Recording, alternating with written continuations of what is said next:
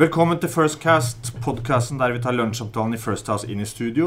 Og i dag skal vi snakke om veien videre for det politiske Norge etter dragkampen om årets statsbudsjett. Tor Mikkel Wara, tidligere partistrateg og finanspolitisk talsmann for Frp. Hvorfor var det så viktig for Siv å få denne enigheten i land? Altså, jeg tror det var mange i Frp som godt kunne tenke seg å gå i opposisjon før valget. Eh, og så tror jeg det er noen som tenker eh, mer langsiktig. Fremskrittspartiet var i opposisjon i 40 år. Og det var én ting man alltid ble møtt med, og det var at man egner seg ikke for å sitte i regjering. Det er ikke et parti som passer i regjering. De har ikke folk som kan sitte i regjering, og de kommer til å dumme seg ut, og de kommer til å havarere. Og da er det et poeng i seg sjøl å gjennomføre én periode fire år. Eh, og hvis du klarer det, så er det viktigste argumentet mot Frp på valget rydda bort. Det kan aldri mer brukes nemlig at Frp ikke kan sitte i regjering eller egne seg til å sitte i regjering. Så det å fullføre en periode gjorde at man har rydda unna et viktig argument som man sleit med i, i 40 år. Kortsiktig så kunne det kanskje hende at det var riktig å gjøre andre ting. Men langsiktig så tror jeg man tenker at det er viktig å ha rydda unna det argumentet. Erlend Fuglum. Ja, altså, men Tor Mikkel, jeg tenker det er jo eh, En av de tingene som eh, var veldig fordelaktig for Frp tidligere, var jo at de var et parti som ikke ligna på noen andre ikke en litt fare hvis du fullfører en fireårsperiode at uh, nå blir det liksom ikke noe forskjell på Frp og de andre lenger nå. Nå har også de sittet og styrt. De heller fikk ikke til alt de lova. De må love og lyge, de må inngå i kompromisser. Hva er forskjellen på Frp og resten nå når de fullfører perioden? Jo, men Det tror jeg er jo et helt opplagt uh, utfordring for dem. Uh, det viktige er jo at du sitter i regjering, så må du klare å gjøre en forskjell. Men hvis du ikke klarer å gjøre en forskjell, så er spørsmålet med hva som er vitsen. Ikke sant, med i det hele tatt å føre politikk. Fremskrittspartiet har sagt de ønsker å komme i regjering. Uh, I valget i 2009, som var det siste valget hvor man liksom ikke kom inn, så var det da altså, så sa man ledende Høyre-representanter at man aldri kan sitte i regjering med Frp. Venstre Sponheim sa at han ville aldri støtte en regjering hvor Frp var med, og Bondevik la ned veto. Det var så masse vetoer med Frp. De vetoene eksisterer ikke på samme måten. Og én ting er hva de andre partiene gjør. Mye viktigere er at velgerne har brutt en, du har brutt en slags mental barriere. Som gjør at du slipper å gå i den diskusjonen neste gang du har valgkamp. Da kan man snakke politikk, og ikke om man egner seg til å sitte i regjering. Men det var jo en annen ting som jeg også tenkte på da når du så dette. Det var jo mange som snakka om at uh, en del i Frp ville ut, for det var enklere å drive valgkamp i opposisjon. Men uh, da tror jeg en undervurderer den drahjelpa man faktisk får av å sitte i posisjon. Altså, hva hadde skjedd med profilene Sylvi Listhaug, Ketil Solvik-Olsen, som ikke sitter på Stortinget? Uh, hvis du skulle i valgkamp på dem ikke var statsråd hvordan, hvordan skulle partiet brukt dem? Liksom? Du hadde jo mista noen veldig skarpe kort i kortstokken. Ja, det tror jeg er helt enig i. Sånn eh, dette, er jo, dette er litt sånn det er veldig lett å være kortsiktig i politiske vurderinger, for man blir så opptatt av det som skjedde forrige uke, at man tenker å, det hadde vært deilig å bli kvitt det irriterende, håpløse Venstre, for ikke snakke om disse KrF-erne.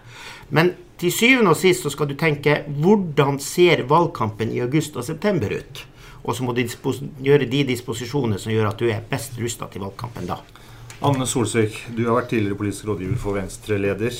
Altså det irriterende, håpløse Venstre. Eh, Trine Skei Grande. Hva tenker du om eh, den dragkampen som har vært rundt budsjettet i høst?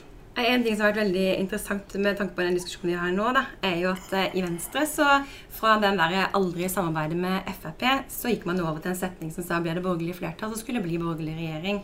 Og for Venstre så var jo det òg en liksom viktig side ved at uh, ok, skulle vi klare å ansvarliggjøre Frp, så måtte de eventuelt bli regjering, og skulle man bryte en eller annen viss sånn bilde av, av, dette partiet, sånn at det ble normalisert på et vis det interessante gjennom denne perioden her er jo at det som skulle på en måte bygge den tilliten og, og fjerne den avstanden, tvert imot egentlig har eh, ikke skapt eh, noe spesielt eh, tillit mellom eh, disse partiene i noe større grad. Så Venstre har ikke... Heller økt avstanden på både klima- og innvandringsfeltene, som har vært store områder oppe til debatt i løpet av denne stortingsperioden. Så Venstre har ikke greid å få kustus på Frp?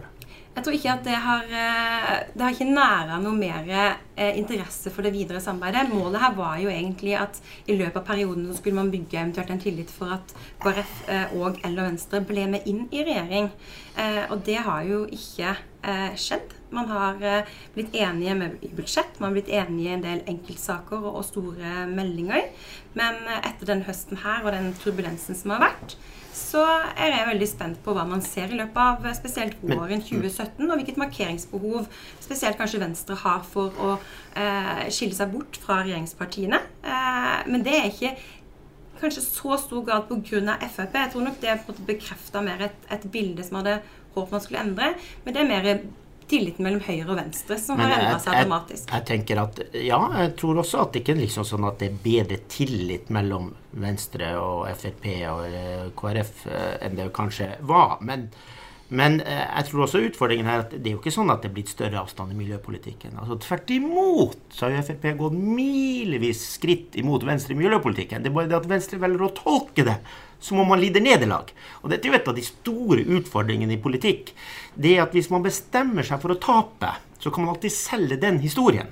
Den vanskelige historien det er å fortelle seirene sine. Uh, og her syns jeg at man, man av og til skal vi si, plager seg sjøl unødvendig i Venstre.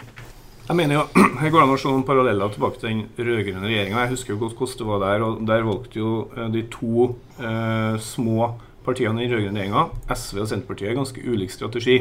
For Det generelle bildet, særlig tidlig i perioden, var at SV eh, solgte ut tapene sine. Eh, var opptatt av liksom, nesten synliggjorde oftere hva de ikke fikk til, enn hva de fikk til. Eh, men Senterpartiet var veldig systematisk på å synliggjøre de positive resultatene og være med å styre synlige resultatene en, en oppnådd. Og det, det er sikkert mange ting som påvirker valgresultatet, men det, det gikk jo veldig ulikt med de to partiene. Det er jo interessant å merke seg. Men, men jeg, tror, jeg, tror, jo det der med For dette her blir jo en diskusjon om hva er det som er klokt på kort sikt, og hva er klokt på lang sikt. Og jeg tror jo, til slutt så, så må man jo se hva er det man er strategisk man tenker jo ofte, i hvert fall fra, de, fra de, de, store partiene, hva er det man er tjent på lengre sikt strategisk i forhold til et valgresultat? Og så kan man spørre har det som skjedde nå i forbindelse med budsjettet, påvirka muligheten til å vinne et valg for denne, hvis vi fortsatt kan kalle det den borgerlige sida? Og, og, jeg tror jo, jeg bruker å si det at jeg, jeg, mye og igjen det som en Erlend snakka om, altså, hva er erfaringen fra den rød-grønne regjeringskonstellasjonen som satt i åtte år? og jeg tror noe av det som, Den observasjonen jeg syntes jeg gjorde, i hvert fall, var jo at noe av suksesskriteriet der var statsministeren. Altså eh, Jens Stoltenbergs evne til å holde alle sammen fornøyd eh, pga. sin personlighet var helt avgjørende for at man klarte å holde eh, konstellasjonen eh, sammen. For at Selv om du har politiske uenigheter mellom partier, så tror jeg til slutt så handler det om mennesker. Altså De som sitter på toppen og skal se hverandre i øynene hver dag, må kunne stole på hverandre og må de kunne samarbeide med hverandre. Og Det jeg er spent på, er jo om det i denne, de her ukene som nå har gått, er det sånn at de her fire menneskene som satte seg ned for snart fire år siden, og kikka hverandre i øynene og ble enige om hvem som skulle sitte i regjering og hvem som skulle være på Stortinget, er det sånn at de vil eh, til høsten 2017 ha den samme tilliten seg imellom? Eh, det blir interessant, tror jeg. Ikke bare det politiske. For der tror jeg Tor Mikkel har helt rett. Man har flytta seg, Fremskrittspartiet har flytta seg milevis i miljøpolitikken sånn sett. Ja, til våre lyttere så var det Ketil Linseth, tidligere statssekretær i Arbeiderpartiet, som jeg skulle introdusere som han sitter like stille i båten som det Jonas Gahr Støre gjorde. helt han tok ordet. For det er vel det Arbeiderpartiet gjør? Sitte stille og se på at uh, den borgerlige siden uh, krangler? Ja, og, og dere der går jo, jo Man kan jo, kan jo alltids uh, tenke at her har det vært fristende for Arbeiderpartiet å begynne å røre i, i opprørt hav. Men jeg tror jo det at Jonas har opptrådt, og Arbeiderpartiet har opptrådt klokt sånn sett fra deres ståsted her. Altså, eh, fordi at man, når det er så mye støy og så mye bråk, så er det noe med at hvis du begynner å blande inn i det bråket, sant, så kan du bli oppfatta som at du er eh, en person som, eller et parti som på en måte prøver å skåre politisk mynt mm. på, eh, på at nå er man uenig. Så det klokeste tror jeg er stort sett å bare ligge lavt og la dem få steke sitt eget fett. Det, det er jeg faktisk litt uh, uenig i. Ketil. Altså, jeg mener ikke Arbeiderpartiet har gjort noe galt, sånn som det nå. sant? Uh, men jeg mener de har hatt en forspilt mulighet. For det de har uh, gjort nå, er å sitte mye i ro. Og det de har spilt ut av kort, handler om å synliggjøre at dagens flertall og Erna Solberg er ikke styringsdyktig. sant? Du prøver å spille på styringsdyktighet, som de to store partiene gjør. Derimot er det en missa mulighet, for de kunne hatt uh, benytta den anledninga til å sette fokus på politikk og på saker. Og det har drukna helt. Nå det lenge siden Arbeiderpartiet har vært synlig på noen politiske saker. Og det, Nå skal ikke jeg begynne noe mye reklame for uh, det partiet jeg kommer fra, da, men, men jeg syns det er en interessant kontrast til den profilen som Trygve Slagsvold Vedum og Senterpartiet har kjørt, der de har kjørt spisst fokus på noen saker som de er veldig uenige med regjeringa i, som er litt problematisk for støttepartiene til regjeringa en del kutt i distriktsordninger. og så er det jo evinnelig, De fant sin nisje i debatten om eh, drivstoffavgifta, men fokuserte på saker og mindre på spill. og Det tror jeg var en av grunnene til at uh, Senterpartiet har fortsatt å løfte seg. da. Men jeg tror, jeg tror, jo det Dere, dere er ikke uenig i sånn sett, Erlend, men, men, jeg tror dere er noe av forskjellen på det å være et, et utfordrerparti, som jeg oppfatter et lite parti som Senterpartiet, og det å være et et stort eh, parti som Arbeiderpartiet, som, der oppfatninga utenfra er at man skal være mye mer ansvarlig. Ja. Eh, og dere der er jo litt men det sånn Det er jo ikke noe uansvarlig å fokusere på politiske saker heller? Nei, men jeg tror det blir oppfatta med en gang som at du rører i, i, i, du rører i, i stormfullt hav. Og det tror jeg man, når man er eh, sånn eh, fra en posisjon som om det, altså, Høyre og Arbeiderpartiet bærer noe av de samme forventningene fra omverdenen på akkurat den måten å håndtere på. Derfor så straffes sannsynligvis Min spådom er at Høyre kommer til å bli straffa av velgerne nå for det bråket som har vært. Eh, og eh, Frp vil tjene på det, fordi at man oppfatter Frp som et, eh, et utfordrerparti, og man oppfatter Høyre som et, et ansvarlig parti. Vara, Frp utfordrerparti? Eh, ja, altså de har jo den dualismen i seg nå. De er utfordrerparti og i opposisjon. Nei, i posisjon. Og det, det, skal de slite litt med. Men jeg tenker at det som, det som jeg syns også er en interessant ting med Arbeiderpartiet, det var jo ikke det at de satt stille i båten. De hadde jo noen forsøk på å blande seg inn. Og det var å snakke om Ernas lederegenskaper. Og kritisere dem. Og det tror jeg man må si var et relativt mislykka forsøk på å blande seg inn i debatten. Da, det er jeg litt enig med, med Erna. Det hadde vært bedre å snakke om politikk. For det å begynne å snakke om Ernas eh, lederskap, det var jo faktisk akkurat dette forsøket på å fiske rørt vann. Eh, Nå tror ikke jeg de tapte så mye på det, men det ble Det er mulig Jonas er for opptatt av duellen mellom han og Erna. Men du blir kulest hvis du snakker politikk, og ikke så opptatt av disse personkonfliktene som, som, eh, som media elsker og, og måler å vurdere.